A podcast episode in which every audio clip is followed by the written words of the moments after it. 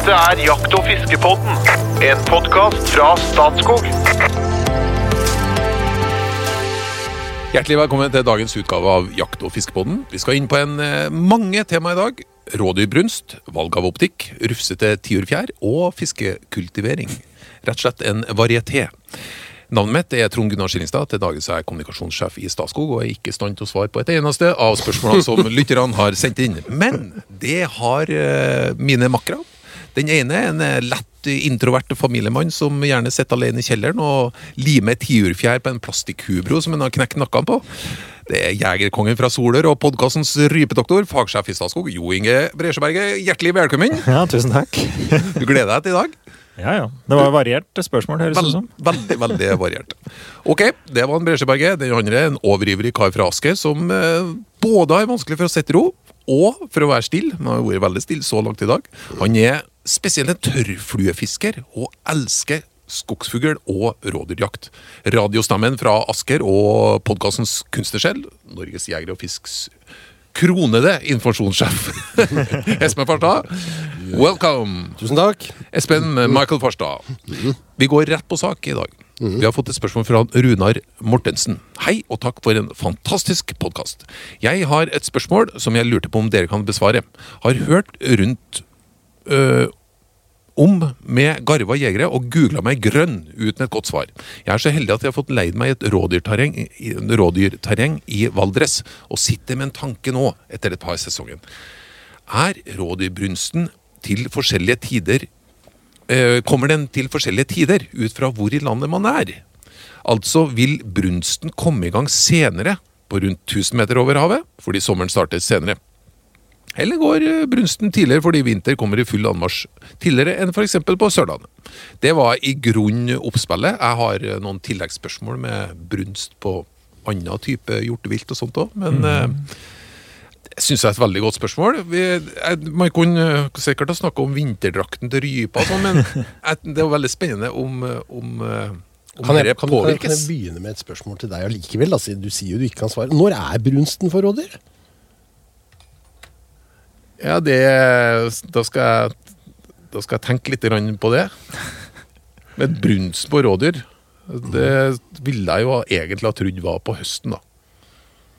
Og så blir det ordnings, og så blir det Nei, det, det må jeg litt tidligere, forresten. Så, så kalvene blir av en viss størrelse når vinteren kommer. Nei. Ja. Nei. Nei. Nei. Nei, men, eh, Nei, men det- men nå er jo jeg som stiller men- ja, spørsmål men jo, men er grunnen til at jeg spør, er at det er, jo, det er jo litt morsomt. Rådyr er jo litt spesielt, for det har jo det vi kaller en sånn forsinka fosterutvikling. Sant? Det ligger, så den, den parer seg. Brunsten er tidlig. Den er på sommeren, den. Oh, ja. Når, når bukkjakta starter 10. august, og vi lokker på bukk, da er vi liksom på tampen av brunsten, egentlig. Det er i ferd med å, med, med å gi seg. Men ha, er brunsten der på et annet tidspunkt enn elgen sin og hjorten sin? Ja, det er det. Den er seinere. Elgen er månedsskiftet stort sett. Månedsskiftet september-oktober. Og hjorten er kanskje litt seinere. Toppen er litt i midten på oktober, kanskje. Brølejakta, vet du, på Ja. foregår foregår på høsten. Det, er, det har jo med dette å gjøre. Og så har du brunstoppholdet, som vi alltid har diskutert i elgjakta. Mens rådyra de, de har da brunsten midt på sommeren. Eh, og så bærer de barna eller fosteret inni seg, og så utvikler det seg alt ettersom hvordan vinteren tar seg til. Hva du kalte det? Forsinka? Implantasjon. Så den eh, hadde egget blir befruktet og svever bare rundt i livmora. Og så fester det seg. Altså det her er hormonstyrt, da. Ja. Og så fester det seg, og så begynner det å, å utvikle seg. Og det tar fem måneder.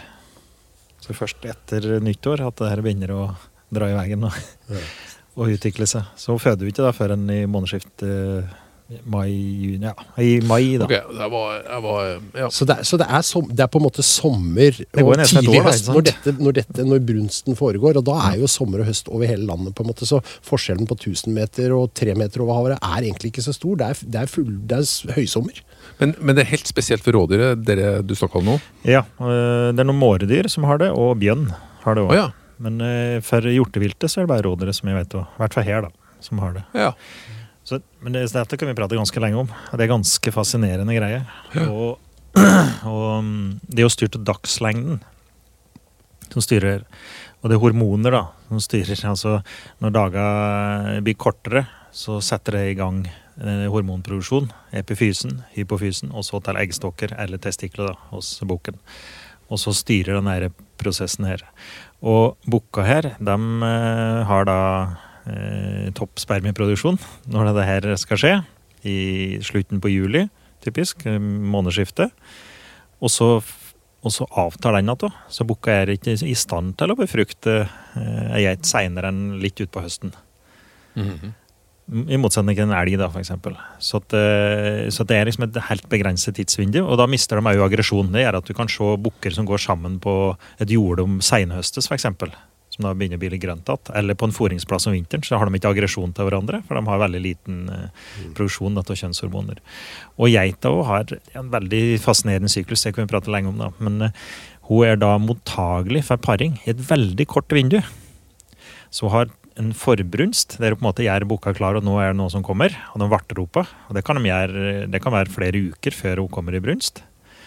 Og så varter de henne på, nettopp for at de skal være klare når hun er klar. Og det vinduet er ikke på mer enn eh, hver så døgn. 24 timer til 36 timer. Ok. Høres kjent ut. Og, og da må vi pare da. Og da med notorisk utro.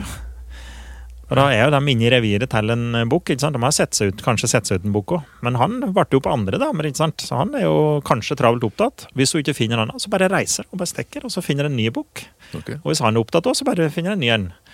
Og det er jo dokumentert, da, at, og da setter de igjen kjellingene sine, for da har de små kjellinger. Setter av de, og så reiser han på like elskovsutfordrere og er utro med andre bukker. Og, og kjellinga bare ligger der for lut og kaldt vann, mens hun er ute og hygger seg. Og det kan ta både ett og to og opptil tre døgn før hun er tilbake til dem. Og de ligger da bare rolig og trykker, stakkar, og, og sulter og venter på mor. Når var dere, sa du? Eh, dette er da i månedsskiftet, stort sett det her. Månedsskiftet juli-august. Ok. Så når vi begynner å jakte 10. august, det, det varierer litt, da. Så at eh, Noen ganger så kan vi si at den brunsten er litt seinere. Da vil du se at det er en litt trafikk fortsatt da i, når vi begynner jakta 10. august. Men i de fleste tilfeller så er brunsten over 10. august. Men der kommer spørsmålet til han. Ja. Er, har dette endra seg, og endrer det seg eh, jo høyere over havet du er? Nei, egentlig ikke. Men det er både ja og nei. da, For det, det her er styrt av dagslys. Så det vil forandre seg jo det kommer lenger nord og lenger sør. Ettersom det er mye dagslys der da, og har tid det blir merkere på høsten. Så det vil kunne være noe seinere brunst lenger nord, og litt tidligere lenger sør, da. Også, men så er jo da den der heftige greia med forsinkeimplantasjon er jo at det da rår langt på vei styrer tid disse blir født. da. Så våre, eh, våre rådekjellinger de blir født tidligere enn de er i Danmark eller i Frankrike eller Italia, faktisk. Og det er jo for at du skal ha det beste maten. ikke sant? Eh, De skal vokse fort, og hun skal produsere melk og alt det der. Men eh, det er ganske fascinerende greier. Men så, så både ja og nei. Altså eh, litt lenger nord så kan du ha litt seinere brunst, og eh, litt tidligere lenger sør, da. Men eh, ikke i forhold til høgde over havet. Det er i forhold til lysmengden. Altså Tidligere brunst lenger sør. Jeg ville Ja. Ja. Fordi Det styres da av daglengde. Der. Og de forbereder seg da, så at brunsten er bitte litt tidligere eh, lenger sør enn er i Nord-Norge, Mm. f.eks. Ja. Men det, det her er ganske små forskjeller, og vi ser jo at det varierer bitte lite grann mellom år. Så det, det er ikke bare det er ikke nødvendigvis bare daglengde. da. Vi har opplevd at det på mine trakter skulle være ganske fast, og det er, det, det er rimelig fast hvert år. Men du ser noen år, som sagt, så kan det være at brunsten fortsatt er litt i gang da, når vi starter jakta 10. august. Og andre år så er det helt ferdig. Ja. Så at det er litt små variasjoner er det da, men det er ganske lite tidsvindu. Men tilbake til der du starta. Mm. Altså Bedekking skjer fra, på rådyrfronten her, da, fra slutten av juni, Slutten av juli. slutten av juli, Ja. og Si fra midten på juli til midten på august, da er det paringen. da. ja, Mm. enn på hjorten. Det er da starter i slutten på september og kan pare helt til november, men toppen er midt i oktober ca. Og elgen. Den er omtrent månedsskiftet september-oktober. Ja, Og siden vi har hatt eh, noen villreinepisoder òg, vet du det òg? Ja, den er, den er litt tidligere, faktisk. Da parer de dem. Vi bruker å si at du ikke kan jakte noe særlig senere enn en enn 15. september, da, for da er det brunstsmak på boka. De, sma, Ja. de setter jo smak i Ja. kjøttet. Så at de er, de er liksom høybrunsten da, da, midt på september. Og det som skiller hjorteviltet, da, som vi har gått gjennom nå, liksom, fra oss mennesker, er jo at vi har jo lyst hele tida. Ikke sant? Vår lyst, vår seksuallyst, den er jo der hele tida. Og, an, og andre lyster også. Og det har jeg en liten limit om. skjønner du. Ja, fordi at Jeg syns han la til grunn noe om oss. nå, Nei, nei. Han snakka egentlig om seg sjøl. Nei, det var egentlig om, om, om Menneskeheten. den driften som driver oss til det vi elsker mest her i verden. Og da snakker vi selvfølgelig om jakt. Det er altså savnet etter bukkejakt om våren. fordi at mange, altså I Danmark, deler av Sverige, nedover i Europa, så jakter man jo bukk om våren. Det gjør vi ikke i Norge. Men noen har jo et savn etter det. En lyst på bukkejakt. Ja. En overivrig bukkejeger fra Rogalandskysten hadde så lyst til å prøve seg på vårbukkedysten. Han sa med et sukk, jeg er nesten som en evenukk, jeg får jo aldri utløp for denne bukkejaktlysten. Oi, oi, oi! Ja, det var vakkert! Det var litt trist, egentlig, det. Eh, men jeg må ta det så jeg har det alt, alt på stell her nå. Eh, kalving, når skjer det? Ja, på, det det det. på rådyr? Ja. Ja, det, det varierer veldig mye, faktisk. Oh, ja. Ja, altså, og da er det ikke noe natt hvor du er i landet. Eh, og det ser ut som de kalver tidligere lenger nord enn lenger sør, da. Nettopp at da du får eh, Du skal ha med deg du skal ha med den der eh, starten på sesongen. da. Mens lenger sør så er den langt vei over. Da. Så at, eh, du skulle jo tro at uh, rådekjelling i Danmark, for eksempel, som er mye tidligere i år enn oss, kalver tidligere enn i, i Norge. ja. Men det gjør de faktisk ikke. Når det studerte her på Fosna, blant annet, med, radio, med radiomerkegjetere, så kalver de en del av de kalver en måned tidligere i Norge, altså på Fosna, enn de gjør i Danmark. På de studiene som er gjort i Danmark. Så, så det, og det her klarer rådet da, langt på vei å styre, da. gjennom Er det fordi at vinteren. kommer raskere ja, det er, hos oss? det, er- Altså, ja, ja. det har med, ja, det har med vinteren å gjøre. Og den Ok. okay. forsinker implantasjonen. Altså det er en tilpasning. Våre dyr er større, og de føder sine da, tidligere enn om jeg er lenger sør i, i Europa, f.eks. Ja. Så øh, hvis du sier Ja, og det kan variere ganske mye, da, men eh, ifra tidlig mai til langt ut i juni. Men eh, hvis du da tar eh, fra midten på mai da, og så ut i månedsskiftet omtrent, da er de fleste Det, det, det er en periode på hver så tre uker liksom, som der paringen, nei, så der kalvingen foregår. da. Ja. Og jeg har sett uh, geiter hjemme hos meg som har hatt kalver 6. mai, f.eks. Men det er jo de som har hatt dem 6. juni. Jeg beklager, det kan hende at vi må stryke noen spørsmål, for det kommer, det kommer hele tida opp uh, nye Men det, det jo altså, Altså, altså, det er liksom ikke noe fasitsvar, da. Det er ikke sikkert du kan si at det er innenfor det her. Det er, Nei. det, nei. Men, vi- men, men jeg er bare tilbake igjen til spørsmålet. Ja, for at det han lurte på, var liksom høyde over havet. Han var i Valdres, ikke sant? Han er høyt oppe. Ja. Eh, Og du, du snakker, nå snakker du liksom syd og nord i, i, i Norden, liksom. Men hva med høyde over havet? Betyr det at i Valdres så, hvor, Der kommer jo vinteren tidligere. Ja. Ja. Men en uke nå så er det brunsten og den spoleter, den er styrt av daglengde. da. Så at eh, da, Om det er lågt eller høyt, da, så, og så har samme daglengde, så vil ikke brunsten være noe forskjellig. Nei. Så den er ganske likt. Så Men kalvinga kan- er mer påvirka enn Ja. faktisk? Ja. Så vi kan anta at kalvinga skjer tidligere jo høyere opp i fjellet du kommer, på en måte. For da kommer jo vinteren tidligere også. Så vi Ja, det, ja, ja. til en viss grad så er det det. Mm. det. Ja. Pluss at det er store variasjoner da, innenfor området. At. Og det er jo endelig en effekt, da, ikke sant? når ikke alle får kalven sin samtidig. da. Eh, Reinsdyra for eksempel, får kalven sin mer eller mindre samtidig, og er på, de gjemmer seg vekk. da. Ja. og, og går i flokk.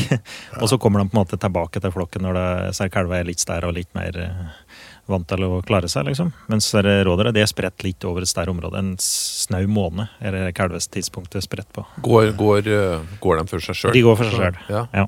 Så, Ok. mm. Enn elgen? Nei, den òg går for seg sjøl. Ja. Ja. Så bare rein egentlig som flokker Ja, seg til kalving. Mm. Et flokkdyr. Ja. Er ganske fascinerende greier. ja, veldig, Ja, det faktisk. Og hele, hele den der eh, syklusen med Råder, den er veldig fascinerende også. Men eh, det, hadde, det blir litt langt å gå inn på det nå. Nei, men det, også, også, det var jo en raritet at, at rådyr hadde en egen, en, en egen greie på på bedekkinga, da. Ja, Eller ikke, ja, ja, eller på For de blir jo bedekt i, i, svangerskapet, å i sånn. juli-august, månedsskiftet der, og så føder de 1. mai-juni året etterpå. liksom. Det er jo fryktelig lenge. ikke sant? Nei, skal vi ta litt Vi går fra uh, hjortevilt og litt over på fiske. Ja. Da, da kikker jeg litt på Ja. min venstre side her nå, Espen. Kommer, det er Det er et uh, spørsmål fra Johannes Førde. Først så konkluderer han med noe. Norges beste podkast. Veldig bra, Johannes. Takk. Du, i likhet med forrige innsender, ender opp med T-skjorte hvis, eh, hvis du tar kontakt med oss nå. Gi oss et hint, så kommer jeg med et skjema, og så blir det ordnings. Akkurat som, som på rådyr, men går mye fortere enn eh, hos rådyr. Norges beste podkast. Hva er det mest effektive tiltaket for kultivering av innlandsfisk? I dette tilfellet ørret. Jeg har hørt om sperreruser som sørger for at fisken får problemer med å gyte. Kan dette være et effektivt tiltak for å redusere bestanden av fisk? Eller er tradisjonelt fiske mest effektivt?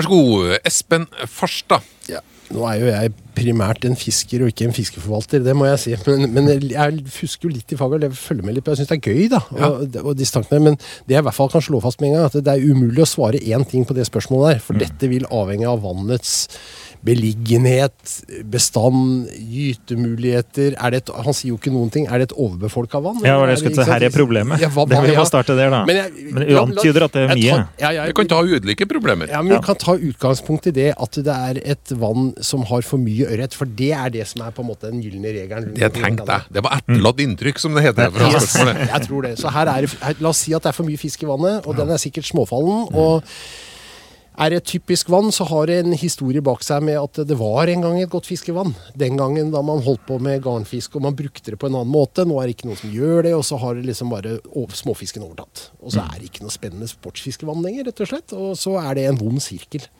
Og så prøve å gjøre noe med det, det er jo en eh, besnærende tanke, og veldig spennende det. Og da kommer det jo veldig an på dette vannet. Er det et svært vannmagasin? Er det regulert? Er det liksom, hva, hva slags type vann er det? Men det er jo på en måte to ender av dette tauet, da. Det ene enden er jo at du må prøve å ta ut en del av denne småfisken. Og det kan du jo gjøre med, med å, å sette garn og, og kanskje noen ruser og bruke den type systematikk. Det er veldig arbeidskrevende, og du må opprettholde trøkket over lang tid. Vanskelig. En kanskje bedre tilnærming er å forsøke å, å begrense rekrutteringa av fisken i vannet. Eh, og da Man tar jo problemet med rota, liksom. ja, du, du prøver å gå litt i dybden og ta det på ordentlig. Eh, og det å stenge av en gytebekk f.eks. kan være et veldig effektivt eh, tiltak, det. Men det kommer jo an på hvor mange bekker det er inne i vannet, og er det i det hele tatt mulig? og alt mulig sånt. Altså, Ørreten gyter jo i rennende vann. Ja, så kun det. Så, Ja, så, det fins et par dokumenterte eksempler. ja, men, sånn. gjort det, men i Nei, prinsippet så Ja, gyter den ok. i bekken. Så lite Så stenger du bekken. Så starter stenger med du, det, da, Ja, så stenger du produksjonen av, av, av ungfisk. Og da vil du jo i løpet av relativt kort tid, altså noen sesonger, eh, både da få mindre antall fisk ut i vannet, og du vil øke tilgangen til mat for de fiskene som er igjen. For det er jo mangel på mat som gjør at du får en haug med småfisk.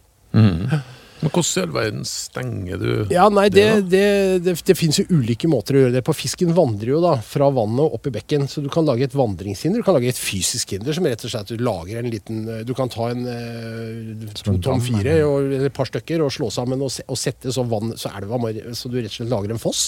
Som ørreten ikke kommer opp. ikke sant? Det kan være en måte å gjøre det på. Jeg har sett folk har brukt uh, noe sånn hønsenettingaktige ting nederst i utløpet ute i vannet.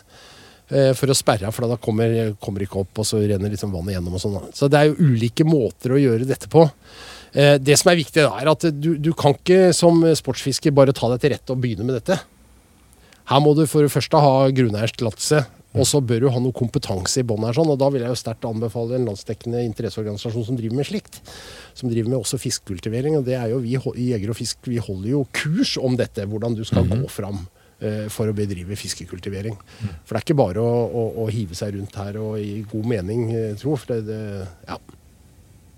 Så her skulle vi hatt eh, vår eh, ekspert fra Øyvind Fjelseth, som vi har hatt inne som gjest flere ganger. Han er jo en av Norges fremste på akkurat dette her. sånn. Hvordan liksom kultivere opp vann og sånn. Det er arbeidskrevende, og ofte så krever det mye undersøkelser i forkant. Det som er vanlig, er at man setter det man kaller prøvegarnserier. Altså ulike typer garnlenker rundt omkring i vannet, og prøver å danne seg et bilde av fiskebestanden i vannet. Prøvefiske, rett og slett. Ja, og se på gjennomstrømningen i vannet. Altså, det, er mange, det er så mange faktorer her. ikke sant? Så det er, ikke, det er liksom ikke én quick fix på dette. Det er det ikke. Men Så- til, til Johannes da, så er det faktisk mulig å gjøre noe med, da.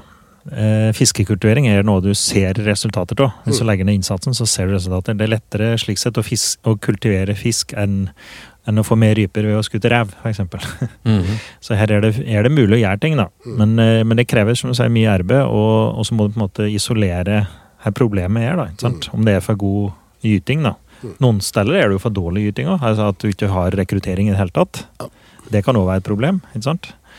Og andre vann er oftere, da, så er det for god rekruttering. Også med, med resultat at det blir småfallen fisk, da. Og som ellers i livet så er jo selvfølgelig løsningen ofte en kombinasjonsløsning. Altså Ja. både da prøve å begrense rekrutteringa, men gjerne ta ut litt tynne. Ja, tynne ut. Ja. Ja. Og her må man kunne få til noen gode avtaler med, med en grunneier som vil se verdien i at, at, at kvaliteten på vannet øker, da, som, som Mm. sportsfiskevann. Men hvis du er på ja, der Statskog forvalter fiske, da, Mm. Uh, og du har lyst til å jeg- skjønner at det, det, hvis, hvis du bor i nærheten av et vann, så blir det jo på en måte en sånn Det, blir en greie, det blir en Ja, hobby, det, å, Ja, ja. kunne prøve å kultivere et vann. Hvis man ønsker det Mhm. på Statskogs grunn, Ja. eh, da antar jeg at det er mulig å ta kontakt med Statskog, men er det, liksom, er det, er det noen sjanse? Ja, det er det. Eh, Vi har mange eksempler. Og det, stort sett så er det organisert gjennom jeger og fisk, eh, lokale jeger- og fiskeforeninger. Du har ei gruppe, ei fiskekultiveringsgruppe eller eh, fiskestellgruppe i en lokal forening. Og så er det ildsjeler der, da. Det er noen for du må brenne litt for det, og så må du ha kontinuitet. Det er som Espen sier, Du kan ikke bare gjøre det en vår og så tro at det er en quick fix. Det må, liksom- det må, må innsats til over tid. da. Ja, ja det, for det lurer jeg på. Hvilket tidsperspektiv snakker vi om før, det, før du, før du liksom føler at du begynner å lykkes? Hvis, hvis du kjører en kombinasjon Men vi prater jo år, ikke sant. For det, En ting er da som sagt stoppe rekrutteringa hvis det er for mye fisk, og i tillegg tynne ut. Det, og det vil ta tid, altså. Eh, nå sa han ørret, men det er jo vann som er kombinasjon, som kan ha gjedde f.eks., eller eh, ebber og gjedde, eller altså det har flere arter òg. Og som kan gjøre det mye vanskeligere å, å drive effektivt, da. Tynnesfiske. Men jeg tror vi treffer godt her, for han het, eh, het den ikke Førde? Jo. Ja. Aner oss at det er et overbefolka ørretvann på, på, på Vestlandet. På dette her. Vestlandet. Du, hva er, hva er sperreruset? For det vet ikke jeg hva er. Sperreruset jeg, jeg tror han, det han Jeg vet faktisk ikke, men det er, vel, det er vel en slags innretning for å sperre for oppgang for For oppgang, da, i- oh, ja, ok. Ja, Ja, ja. Ja, Som vi snakka om, ja. Så for Men- meg så tegneaktige greier her, skjønner du. Men, Ja, eh, nei, men det, det, det finnes jo- også storruser som Stor- setter ut i vannet som for Ja. å fange fisk. da Som, Ja. som står og fanger kontinuerlig. Med ledegarn også. Mm. Så inn å Enn å sette ut gjedde, da. Nei, det må du aldri gjøre. Det, det er strengt forbudt. Men det. Ja, nei, det, det er bare fy-fy. Det, er det er ikke aktuelt. ikke sant? Altså, vi, vi holder oss innenfor rammen av det som er lov. Det som man skal kanskje også være oppmerksom på, er verdien av de store fiskene i vannet. For det vil ofte finnes noen store fisker blant de 10 000 små. Ja. De har en verdi. Fordi de er med på å regulere bestanden, ikke sant? og de har kanskje også noen gener som er verdifulle osv. Så, videre. så de, man skal være litt hard mot seg selv hvis man driver med dette, og man driver og fisker og kultiverer et vann. Så hvis du får en stor fisk, så sett den ut igjen, da. For Ja, for, det- for for det- den har en verdi. Det er sant? ei greie. Liksom. Fiskekulturing er jo så mangt. da. Det er jo um, det har jo vært tidligere mye utsetting, f.eks. Pga. konsesjonspålegg og eh, kraft, eh, kraftverk har fått konsesjonspålegg av det ene med andre. og Det har vi sluttet mer med nå. Og så er det mer og heller å flette fisk da, over hinderet. altså bruke stedegen fisk. Og, og, og en del- så det er mange forskjellige fiskekultiveringsgrep da, vi gjør. Og en av dem er faktisk, som Espen sier, å ha organisert fiske og regler. da. Så at du tar vare på de her store fiska. Mm. For de har en veldig viktig funksjon i vannet. Og ta bort minstemålet. Ja, for Som var det vi vokste opp med. Jo, men Ja. når vi var små, så var det jo alltid det var minstemål på fisk, og det var liksom den reguleringa man hadde. Mens man egentlig kanskje bare hadde hatt godt av å ta en del av den småfisken Da. Ja. Mm. Savner dere spørsmålet om rufsete halefjær og optikk? Ja, det gjør dere, men Ja. det blir en egen Det episode. det. Ja. Men du, hvis dere må velge, tar dere hjemmelaget pølse og iskald øl, eller pannestekt kveite og vin? Jo Inge. Oi, det var øh, kveite, da. Kveite og vin. Ja, Ja, ja, Rødvin eller hvitvin? Rød. Nei, jeg, tror, jeg hiver meg på pølse og ull her. For det er Pølse ja. hjemmelagde pølser er godt. Å ja. Men da skal vi skal rett og slett gå ned for landing. Jeg syns det var interessant tema. Jeg, på seg allerede. Jeg bomma litt kraftig på her kalvinga og befruktninga og alt det der, men eh, nå har jeg lært noe nytt i dag. Ja. Så synes jeg var, Det med kultivering det synes jeg er spennende. Ja, det var Eh, Så det må vi komme mer tilbake til. Men før vi går helt ut, kjære lytter og seer, kjenner du noen som burde komme inn i podkastens lunefavn? Gled dem inn neste uke. Vi kommer hver uke med nye episoder. Før vi går helt ut, hot or not? hot. Espen starter. Sportsvasking, hot or not? Not. Not. Tatovering, hot or not? Not. Not. Snøfreser, hot or not? Ja, det er hot. Det er skikkelig hot. Stingsild, Hot or not? Ja, det er hot. Hot. Oi, helt enig. Fra Åges søskenbarn Frank Aleksandersens debutalbum 'Tilbake til meg sjøl', låta 'Prøv å være venner'. Hot or not? Et rungende hot fra Trioen studio. Takk for følget, og velkommen tilbake neste uke.